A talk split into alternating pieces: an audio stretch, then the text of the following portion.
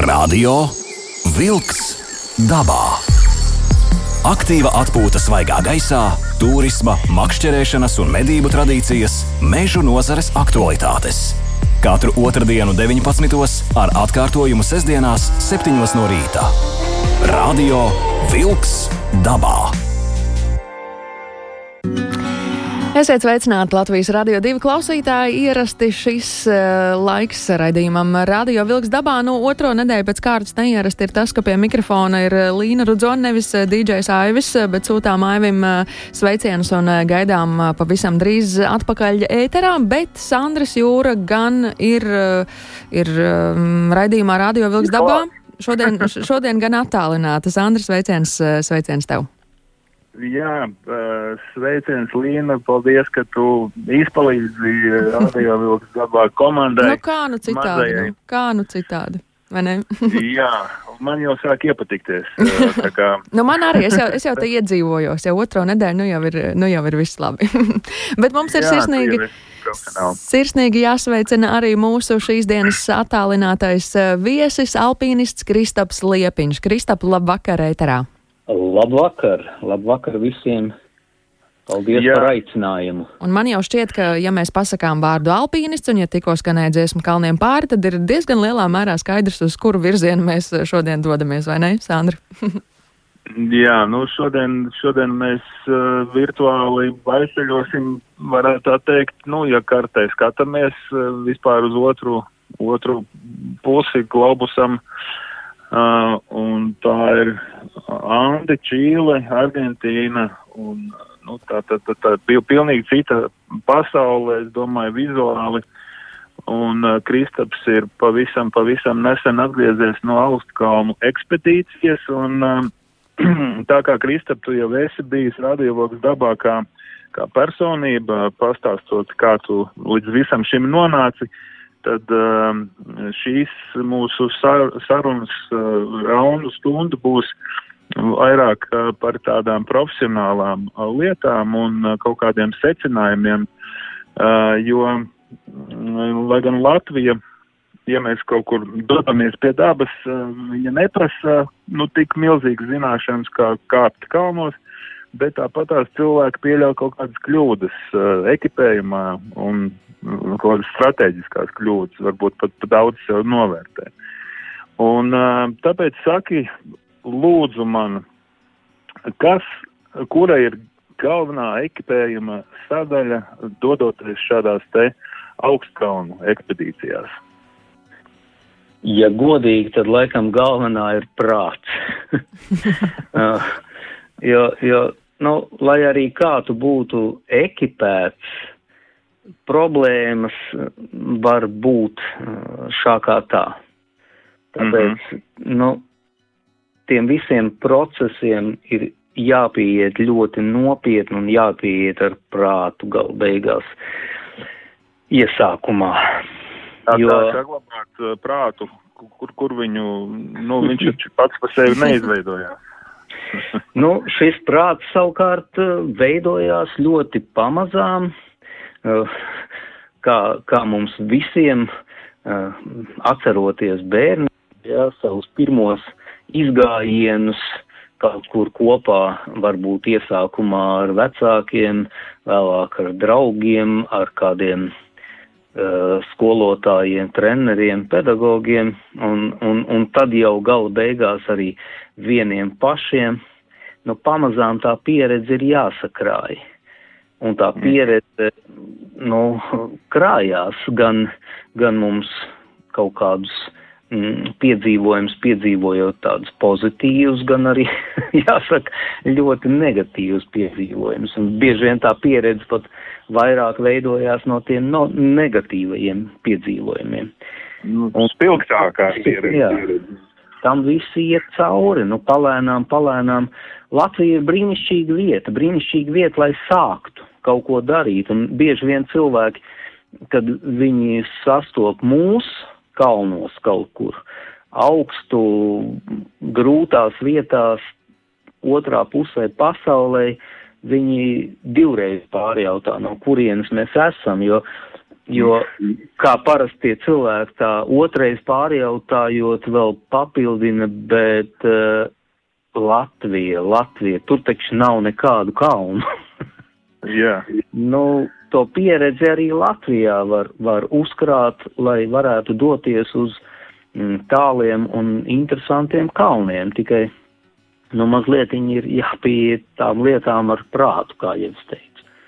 Jā, uh, varbūt iezīmē uh, uzreiz sarunas sākumā to svaigās emocijas, tu esi faktiski tikko, tikko atgriezies uh, no šīs tālās zemes, nu, varbūt, nu, vēlreiz bišķiņ geogrāfiju atgādini, cik Jā. tas ir tālu un ko Jā, jūs darīt Tātad uh, šī bija mūsu piektā Dienvidamerikas ekspedīcija. Mēs pirmo reizi devāmies uz Dienvidameriku pirms kādiem gadiem, sešiem šķiet. Un mm. iepriekšējo reizi mēs burtiski bijām tieši, tieši pirms pandēmija atnāca līdz Latvijai. Tātad 2020. gada mm, pašā sākumā mēs bijām Argentīnā, uh, arī pusotru mēnesi divatā tikai kopā ar, ar Kristīnu, ar manu sievu, un mēs uzkāpām sešās virsotnēs Argentīnā, Andu kalnos. Un, nu, šis pandēmijas laiks tagad bija pa vidu, un mums jau bija paredzēts doties vēlreiz uz Dienvidameriku piektajā ekspedīcijā jau ātrāk, jau, jau pagājušā gadā, bet, nu, uh, tie, tie, uh, tie um, visādi apstākļi salikās tā, ka nu, mēs varējām izbraukt tikai uh, burtiski gadu mīs pēdējā, tā kā pagājušā gada pēdējā dienā, jā, tieši uz gadu mī izlidot uh, uz Čīli, kas nebūtu nav vienkārši šobrīd ceļošana šobrīd uz citiem kontinentiem, nav vienkārši. Un nu, mēs uh, devāmies uz Čīli un uzkāpām četrās virsotnēs, un trīs no tām virsotnēm ir augstākas par sešiem kilometriem. Tātad uh, Andu kalnu šie seštūkstošnieki bija mūsu galvenais mērķis. Un, un uh, jā. Nu, seštūkstošnieki izklausās ka pa, nu, paši ar, ar, ar, ar to gaisu, kas ir gaisā, vai tad pietiek? Man liekas, ka tas sešiem, virs sešiem tūkst, nu, virs četriem jau tur tā bišķiņa, bet tiekat no. vēl ar skābekli? Tas ir, tas ir tāds pieredzes jautājums. Mēs esam kāpuši arī augstākos kalnos jau 7,5 km augstumā. Un, un šie mm, Dienvidamerikas kalni bija tāds turpinājums mūsu aizsāktam uh, projektam, uh, par kurā, kurā ir uh, tas galvenais, galvenais mērķis Dienvidamerikas augstākās virsotnes. Uh -huh. uh, tā kā mēs jau esam bijuši diezgan daudzās, nu tad mēs turpinājām šo, šo sarakstu papildināt sev un, un uh, uzkāpām Čīles otrajā augstākajā virsotnē, uzkāpām Dienvidamerikas tātad uh, sestajā un septītajā augstākajā virsotnē. Tās, uh, tās virsotnes nosauktās ir uh, 6748 un 6739 metri. Ja? Tā kā tas ir jau jau tuvu septiņiem kilometriem, bet praktiski papildus skābeklis skāpjot šādās virsotnēs nav vajadzīgs. Ir vajadzīgs nopietnas gatavošanās periods pirms tam, nopietnas mm -hmm. aklimatizācijas periods arī pašā ekspedīcijā, tāpēc šīs augstkalnu ekspedīcijas ir laika ziņā diezgan ietilpīgas, jo, nu, ir pamazām sevi jāpieradina tādam augstumam. Tad, nu, tā, tā mēs arī tur darījām. Un, un, un uh, komanda jums bija kaut kāda lielāka nekā tikai divi tādi sievu? Mēs šajā reizē bijām uh, iesākumā pieci, uh, bija līdz vēl trīs mūsu -hmm. draugi, bet uh, vienam no viņiem izdevās uh, sasniegt uh, iesākumā priekš sevis rekordu augstumu 6 km, un tad nākošajā virsotnē kāpjot 6,5 km, bet tomēr līdz virsotnēm, diemžēl, diemžēl neviens no mūsu draugiem šajā reizē netika. Bet kā, uh, dzīve palika. Jā, jā, viss, viss ir kārtībā, vienkārši šī pieredze, es jau iepriekš teicu, ir vajadzīgs laiks, lai, lai īsti saprastu, kā tad tu, kā tad tavs organisms ir spējīgs darboties vispār šajā, šajā augstkalnu retinātajā gaisā un, un šajos nu, diezgan skarbajos apstākļos. Pie tam šogad, šogad Andos mm, tajā sausākajā vietā pasaules, kas ir Dienvidamerikas e, Atakams augstkalnē starp Čīlu un Argentīnu, šajā vasaras periodā pēkšņi izkrita e, ļoti būtiski e, nokrišņu daudzumi. Ja? Tātad sniegs uz 6000 augstumu sasniedz pat metra biezumu vietām. Ja?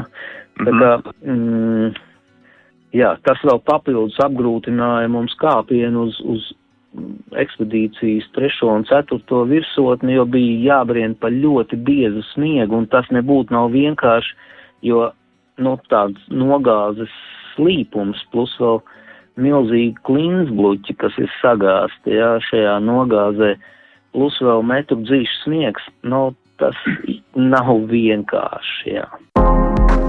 Radio Wolks dabā. Aiziet dabā!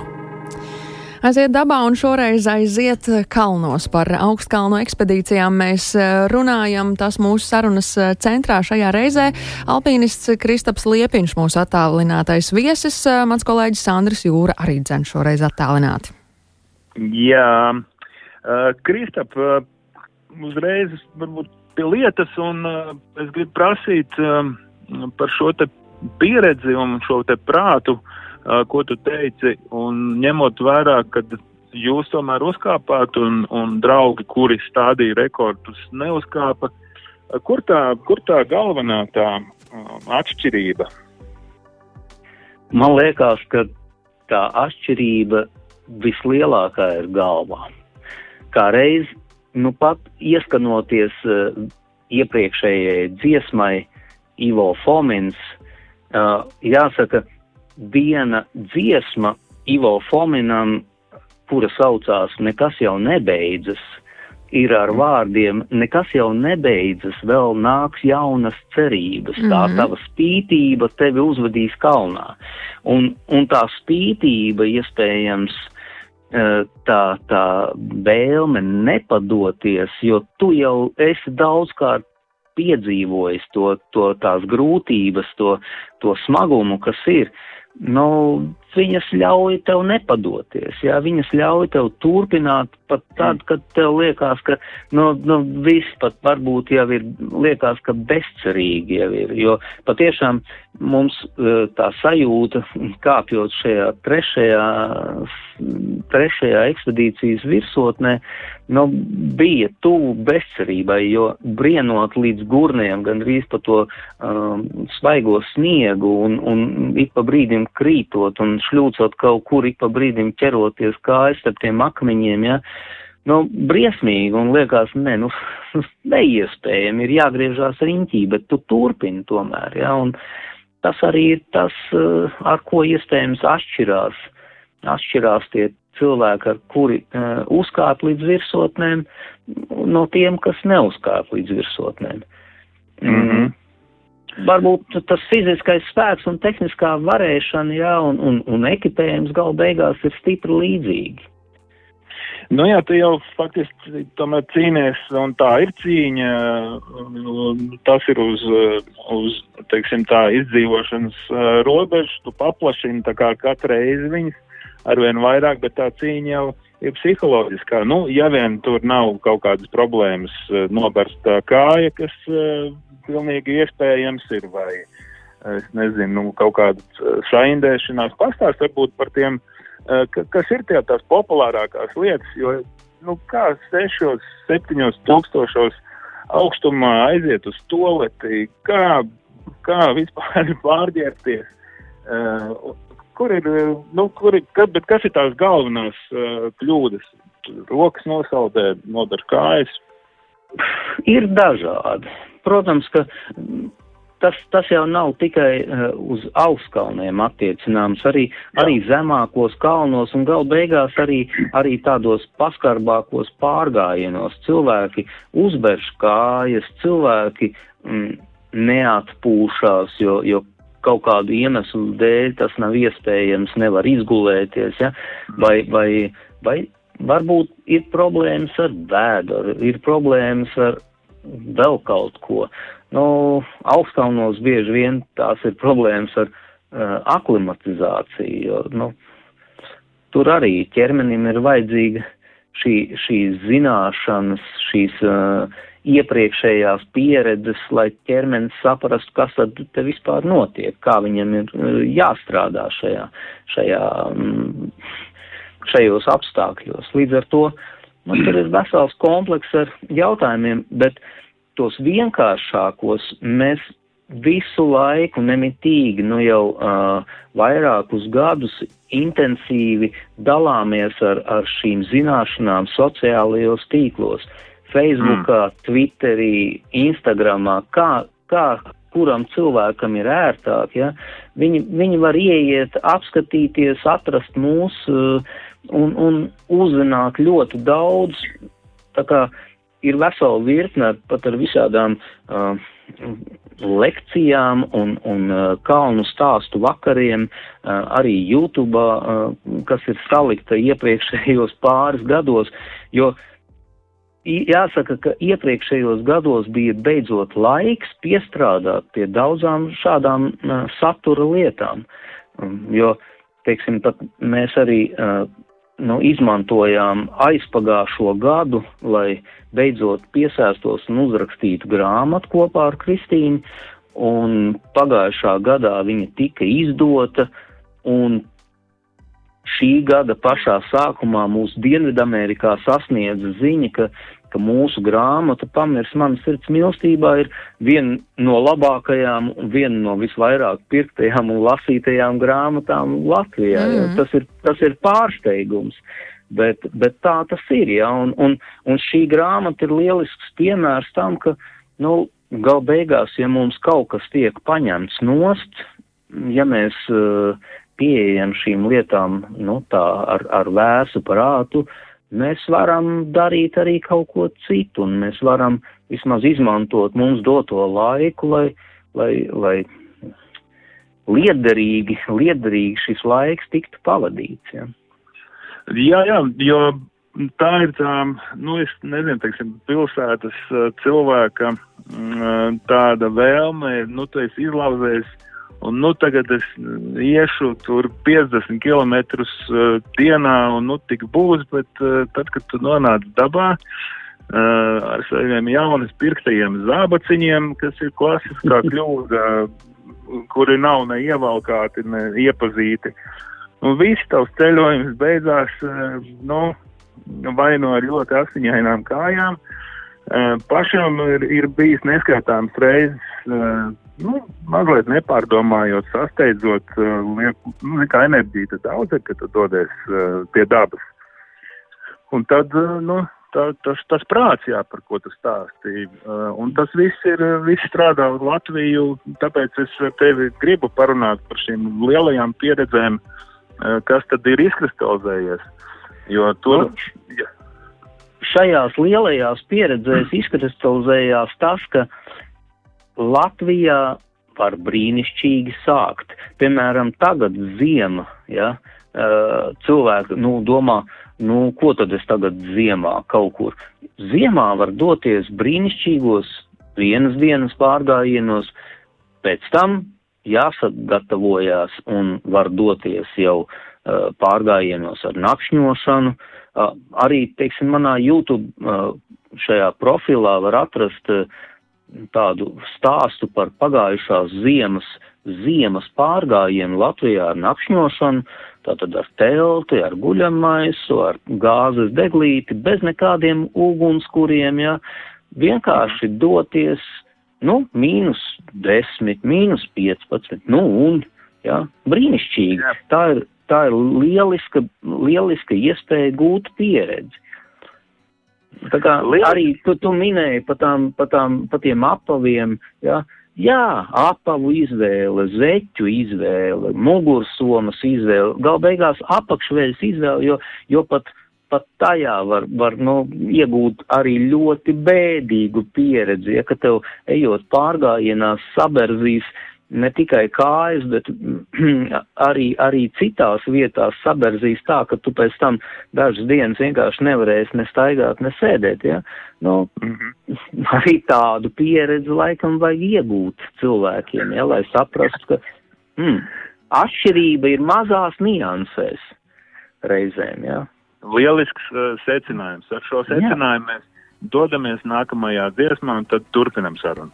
Es vēl tikai no savas puses varu pieminēt, ka es arī jau kādu laiku Kristapam sekoju Instagram kontā un uh, tiem, kuri šobrīd uh, dzird to un um, klausās, tad uh, viens ir tas redzēt šo tiešām, kā tas notiek, tā teikt, tāda varbūt pat nedaudz tāda reportāža, bet arī tāda daudz vērtīga padoma un klausītājiem, kuri par šo sāk interesēties, klausoties šo sarunu, tad, kā jau mēs sacījām, sociālajie tīkli ir viens, kur arī informāciju var meklēt. Par vispārējiem jau pēc mirkļa. Radio Vilks dabā. Aiziet dabā! Ierasti otrdienās, eh, laikā no 19. līdz 20. Latvijas radio divi ēterā skan šis rādījums un sirsnīgs sveiciens arī visiem, kuri šo klausīsies eh, sestdien no rīta no 7 līdz 8 atkārtojumā un tad jau būs labrīt, bet eh, šoreiz šajā otrdienā Līna Rudzona ir pie mikrofona, mans kolēģis raidījuma vadītājs Sandris Jūra ir attālināti un attālināti arī mūsu viesis. Sandri, vārds tev! Jā, Kristap, piekaramies mazliet tai ikdienas rutīnai. Uh, ir uh, nu, normāls cilvēks, ir redzējis tikai filmas uh, par kalniem un, un tā tālāk, bet, um, nu, zinot zināmo uh, filma, tas ir uh, skaisti un tā tālāk, uh, tur ir savu, savus drāmas jārisina, bet tomēr ikdienas rutīna. Nu, normāls cilvēks tur no rīta ceļās, vai mēs varam sākt ar vakaru, uh, Kā jūs tur ierīkojat to vietu, cik jūs tur rokaties sniegā, kā jūs nostiprināt telti, vējš, vispārējais? Nu, tādas elementārās lietas. Es domāju, tu par rutīnu mājās Latvijā. Jā, protams, ka atšķirības starp uh, rutīnu mājās, kur tu uh, piecelies, aizēji uzvāri kafiju, tad paskaties sociālajos tīklos, kas notiek. Un, protams, ka kalnos tas viss ir pavisam savādāk, jā, un, un bieži vien tā, tā dzīve ir tur diezgan kardināli cita, atšķirīga un, un uh, visai sarežģīta, jā, jo tev jau vakarā ir jāsāk domāt par to, kas būs no rīta. Tā tad ir, mhm. e, tev ir jādomā, vai pa nakti nesasals ūdens, jo reizēm mēdz būt tā, ka, ja naktī ir liels augstums, jā, tad tu vari palikt e, no rīta bez ūdens pilnībā. Pat reizēm, kad tu esi padomājis par to, ka ūdens tev varbūt ir sagatavots, tu esi sakausējis sniegu vai ledu pat, jā, un, un salējis viņu kaut kādās pudelēs un, un noslēpis teltī. Bet uh, jautājums, kur tu viņus nolicis? Jo, ja tu esi viņu nolicis vienkārši teltī vai pat iebāz zābakā, uh, kas stāv teltī, nu tad reizēm ir tā, ka tu no rīta piecelies, paņem to ūdens pudeli un tu redz, ka tā pudele ir, nu, tā kā viscaur sasalus ledū, ja. Mm -hmm. Un, un, nu, par to ir jādomā jau no vakara. Ko tu darīsi Labi. rīt? Bet uh, ūdeni, ūdeni tu neuzsildi, nevajag viņu siltu termosā? Mēs gatavojam, protams, ka ja ir tie augstie apstākļi un, un augstkalnos tādi praktiski visu laiku, no, jā. tad uh, tā ir, tā ir ikdienas rutīna. Tu pēcpusdienā gatavo ūdeni, nākošai dienai, protams, arī vakaram, tu ielēji vienu ūdens daļu, ielēji karstu, teiksim, tēju, uztaisi uz nakti, lai tev, lai tev būtu termos, gan naktī pazerties, gan no paša rīta, lai tu vari sākt rītu vispārībā ar siltu tēju, nevis uh, augstumā grabināties gar kastroļiem, ja. jā, jā, jā. Un tad tu sagatavo ūdeni, kuru tu iespējams lietas, ja ir tie lielie mīnus grādi potenciāli naktī, nu tad tu viņu lietas uh, pudeles pie kājām, tātad šīs plastikāta pudeles vienkārši speciālās priekš ekspedīcijām, jā, tātad tu viņas lietas pie kājām, kur ir vismazākā iespēja, ka viņas sasals. Guļamais. Jā, jā, protams. Protams, tāpēc arī pat, nu, es jau iepriekš teicu, tās visas lietas ir nelielās niansēs. Pat izvēloties guļamaisu, no tie, kas dodās nopietnās ekspedīcijās, zina, ka guļamaisam ir jābūt garākam nekā, nekā tavs augums, ja, jo mm. bieži vien, nu, tā kā labi guļamais ir praktiski uz augumu nopērkami. Uh, nu, tad Nu, tu iegādājies ekspedīciju guļamais, kuram ir neliela rezervīte pie kājām, lai tu pie kājām varētu ielikt, nu, tās ļoti būtiskās lietas, kuras nevajadzētu sasaldēt. Tas ir gan ūdens, tas tā ir reizēm arī fototehnika, ja, fotoaparāts, kuru nevar uh, sasaldēt. Tas ir ūdens filtrs reizēm, ja ūdens filtrs ir uh, lietojams, ja kaut gan lielā augstumā no ūdens filtriem uh, īsti jēga nav, jo viņi sasalst un tad, tad tur neko nevar izfiltrēt. Uh, -hmm. Bet es saku, tās visas ir nelielas niansītes, un, un jā, jā. ja tu pieredzē iegūsti šīs pie, pieredzes nianses, zināšanas, nu, tad tev jau ir vieglāk, vieglāk reizi no reizes piedzīvot to visu un iet tam visam cauri, cauri krietni vienkāršāk. Kaut gan, nu, vienkārši, gluži vienkārši tas tāpatās nav. Jā, bet es domāju, trīs, četras virsotnes gājāt tagad uh, Dienvidamerikā, Andu kalnos. Uh, tomēr, nu kā, nu labi, tu kaut kā pārēj no vienas uz otru, nu viņas kaut kā kopā saistīts ir. Tas nav tā, ka tu nē, pārbrauc. Nē. Patiešām tur Čīlē mums bija, tātad mēs uzkāpām vienā virsotnē, kas ir uz dienvidiem visvairāk izvietotais seštūkstošnieks pasaulē. Mhm. Saucās viņš Marmolejo, Andu kalnos, un viņš ir, nu, tā kā vienā līmenī ar Čīles galvaspilsētu Santiago. Mēs uzkāpām šajā seštūkstošniekā, tad mēs atgriezāmies atpakaļ lejā Santiago, tad mēs devāmies ar autobusu nakts brauciens desmit stundas uz mm. ziemeļiem. Mm. Un, un no tās nākošās vietas mēs devāmies atkal kalnos, atkal uz praktiski nedēļu, lai kāptu nākošajā virsotnē, un tā bija Čīles otrā augstākā virsotne Tres Kruces, uh, tātad jau 6700 atkal lejā un atkal pārbrauciens vēl tālāk uz ziemeļiem, no tur bija jābrauc ar džipu, man liekas, kaut kādas 6 vai 7 stundas, jo tā trešā seštūkstošnieku virsotne, kurā mēs kāpām, mm, viņa saucās Juja Jako. Dīvaini uh, rakstās viņa uh, ar, ar trījiem dubult L burtiem, tāds lullai lako, bet izrunājās Juja Jako. Aha. Un tā virsotne ir pasaulē ļoti slavena virsotne. Un viņa ir slavena ar to, ka praktiski tas ir augstākais arheoloģisko izrakumu uh, objekts pasaulē. Aha. Jo desmit metrus no virsotnes uh, pirms pāris gadu desmitiem uh, tika atrastas trīs inku bērnu mūmijas šī kalna virsotnē, kuru vecums tiek lēsts apmēram uz pieciem simtiem gadu.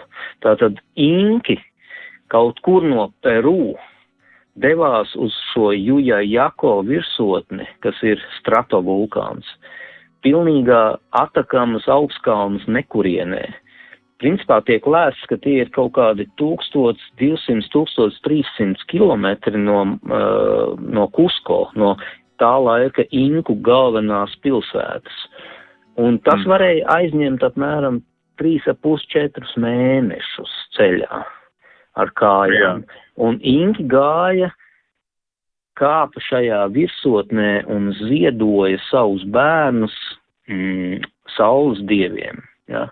Tātad šie, šie nav vienkārši tādi bērni, bet īpaši, īpaši izraudzīti, īpaši uh, gatavoti uh, bērni, ja, kurus ziedoja, ziedoja Inku impērijas, mm, tātad uh, attīstībai, ja, tātad, lai izlūk, jā, jā, nu, izlūktos.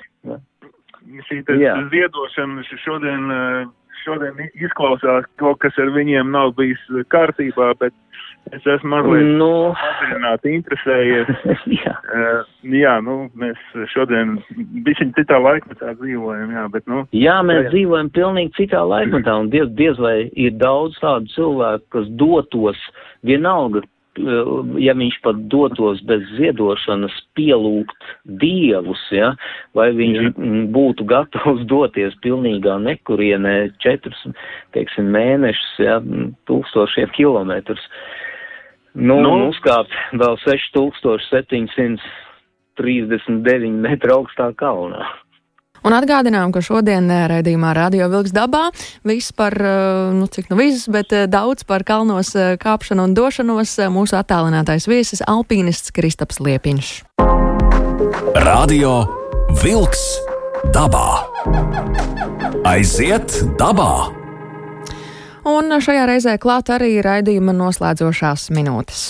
Jā, Kristap, um, kuri, uh, kuri, kuras, kuras tās lietas no ekipējuma ir uh, tādas, kuras tiek lietotas vienā ekspedīcijā un viss, un pēc tam uh, tiek uh, neņemts vairāk līdz uz augstkalnu ekspedīcijām?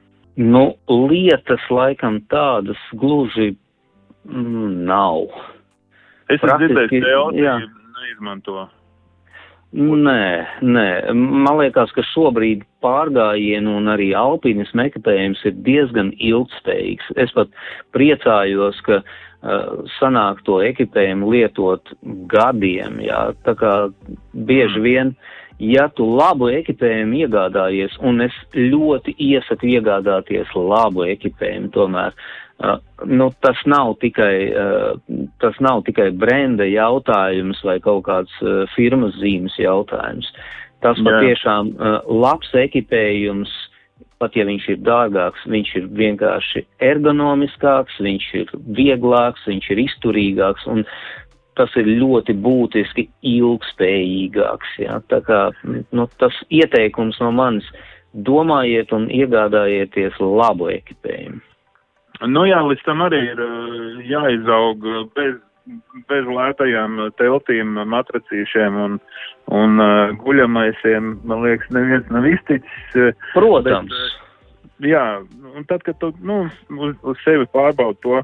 Uh, Bet arī guļamais tev strādā gadiem, ja, Jā, jā. Protams, viss ir atkarīgs, kā tu arī uzturi šīs lietas, cik tu viņas -huh labi uh, lieto un arī cik viņas labi uztur. No, bet, kā jau es iepriekš teicu, ļoti daudz mēs šos padomus esam izlikuši sociālajos mm. tīklos, un es jau, es jau skatos, ka man šobrīd ir piesakojušies daži cilvēki, teiksim, arī Instagramā. Meklējiet un jūs atradīsiet. Alpinists Kristaps Liepiņš vai Kalnu grupa vienalga, ja. Uh, Jā meklējiet un jūs atradīsiet, un mēs nevienam neatsakam savu padomu, ja cilvēki jautā, uh, mēs ļoti, ļoti intensīvi dalamies ar savu pieredzi. Tā kā teikt, ka nu, ir grūti kaut ko atrast vai, vai kaut, kaut kādu informāciju iztrūkst, man liekas, tā šobrīd nevar teikt. Ja. Nu, varbūt ir mazliet savādāk. Informācijas ir tik daudz uh, visur, kur tu nesaproti, kuram ticēt. Ja? Tas gan. Nu, ieskatieties, ieskatieties uh, mūsu, mūsu uh, sociālajos tīklos, paskatieties tās pieredzes apjomu, apskatieties tās pieredzes no tādu patiešām daudzveidību un, un jums neradīsies jautājumi, vai, vai mūsu teiktajam var uzticēties vai nē, jo mēs dodamies tādos normālos bezpandēmijas laikos, dodamies 10, 12 lielās uh, ekspedīcijās, mācību kursos, izbraukumu ceļojumos gadā. Un tas nav tikai tā vienreiz, divreiz gadā aizbraukt uz kalniem. Tas, mm -hmm. tas ir mūsu, mūsu ikdiena, jā, tā ir mūsu ikdiena un līdz ar to arī tā pieredze. Man, teiksim, pieredze kalnos ir 40 gadi. 40. Pa pieciem jā. kontinentiem, jā. tā kā, uh, ja, ja, ja kāds grib uzticēt, ja, ja kāds grib uzticēties uh, tiem, kas ir burtiski pāris reizes kaut kur bijuši, Dievu dēļ, tā katra ir, ir katra izvēle, bet, bet uh, Man, mans ieteikums tieši tāpat kā ar to ekipējumu. Nu, ja jūs variet uh, un jūs uh, tā kā esiet gatavi ņemt labāko, ņemiet labāko. Lūk, vienmēr jāņem labākais. Uh, ja tas ir iespējams, jā, pārsvarā, jā, Protams. pārsvarā kaut kur gribās uz kaut ko iekonomēt, jā, jo, nu, kopā summas jau sanāk uh, lielas, man tāpat tās cilvēki Eh, kas man zina kaut cik eh, arī prasa padoms, un tad, un tad tikai palēnām met nost kaut ko.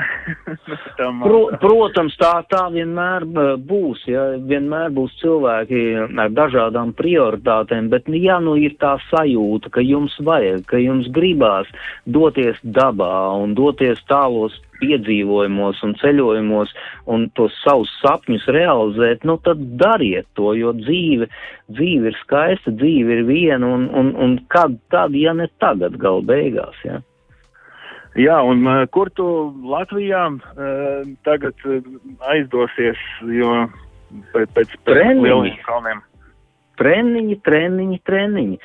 Mēs esam burtiski uh, pusotru nedēļu atpakaļ no, no uh, ekspedīcijas, un mēs jau trenējamies. Mēs kāpjam, mēs skrienam, mēs, mēs darām šeit Latvijā, ko nu mēs varam, bet mēs darām. Ja? Tā kā Lieliski. Viss ir darāms. Un uz šīs... Nots, vai ne? Paldies. Mums arī raidījums ir jānoslēdz, un te pavisam noteikti varētu likt eh, daudz punktus, jo vēl no šiem Kristapa pieredzes stāstiem būtu ko klausīties un klausīties, uh, dzirdēt, bet, kā jau sacījām, to visu arī var um, internetā daudz kur uzmeklēt. Uh, jums, klausītāji, kur varbūt pieslēdzāties raidījuma noslēdzošajās minūtēs, tātad mūsu mājaslapā www.lr2.lv šo raidījumu būs iespēja noklausīties arī podkāstu vietnēs un atkārtojumā arī dzen sestdien. Jā, Sandris Jūra attālināti. Šodien bija kopā ar jums Līna, Līna Rudzona šeit no Doma laukuma un sirsnīgs, sirsnīgs paldies mūsu attālinātajam viesim alpīnistam Kristapam Liepiņam. Paldies! Paldies arī jums! Visu labu! Uz sadzirdēšanos! Izskan raidījums Radio Vilks dabā!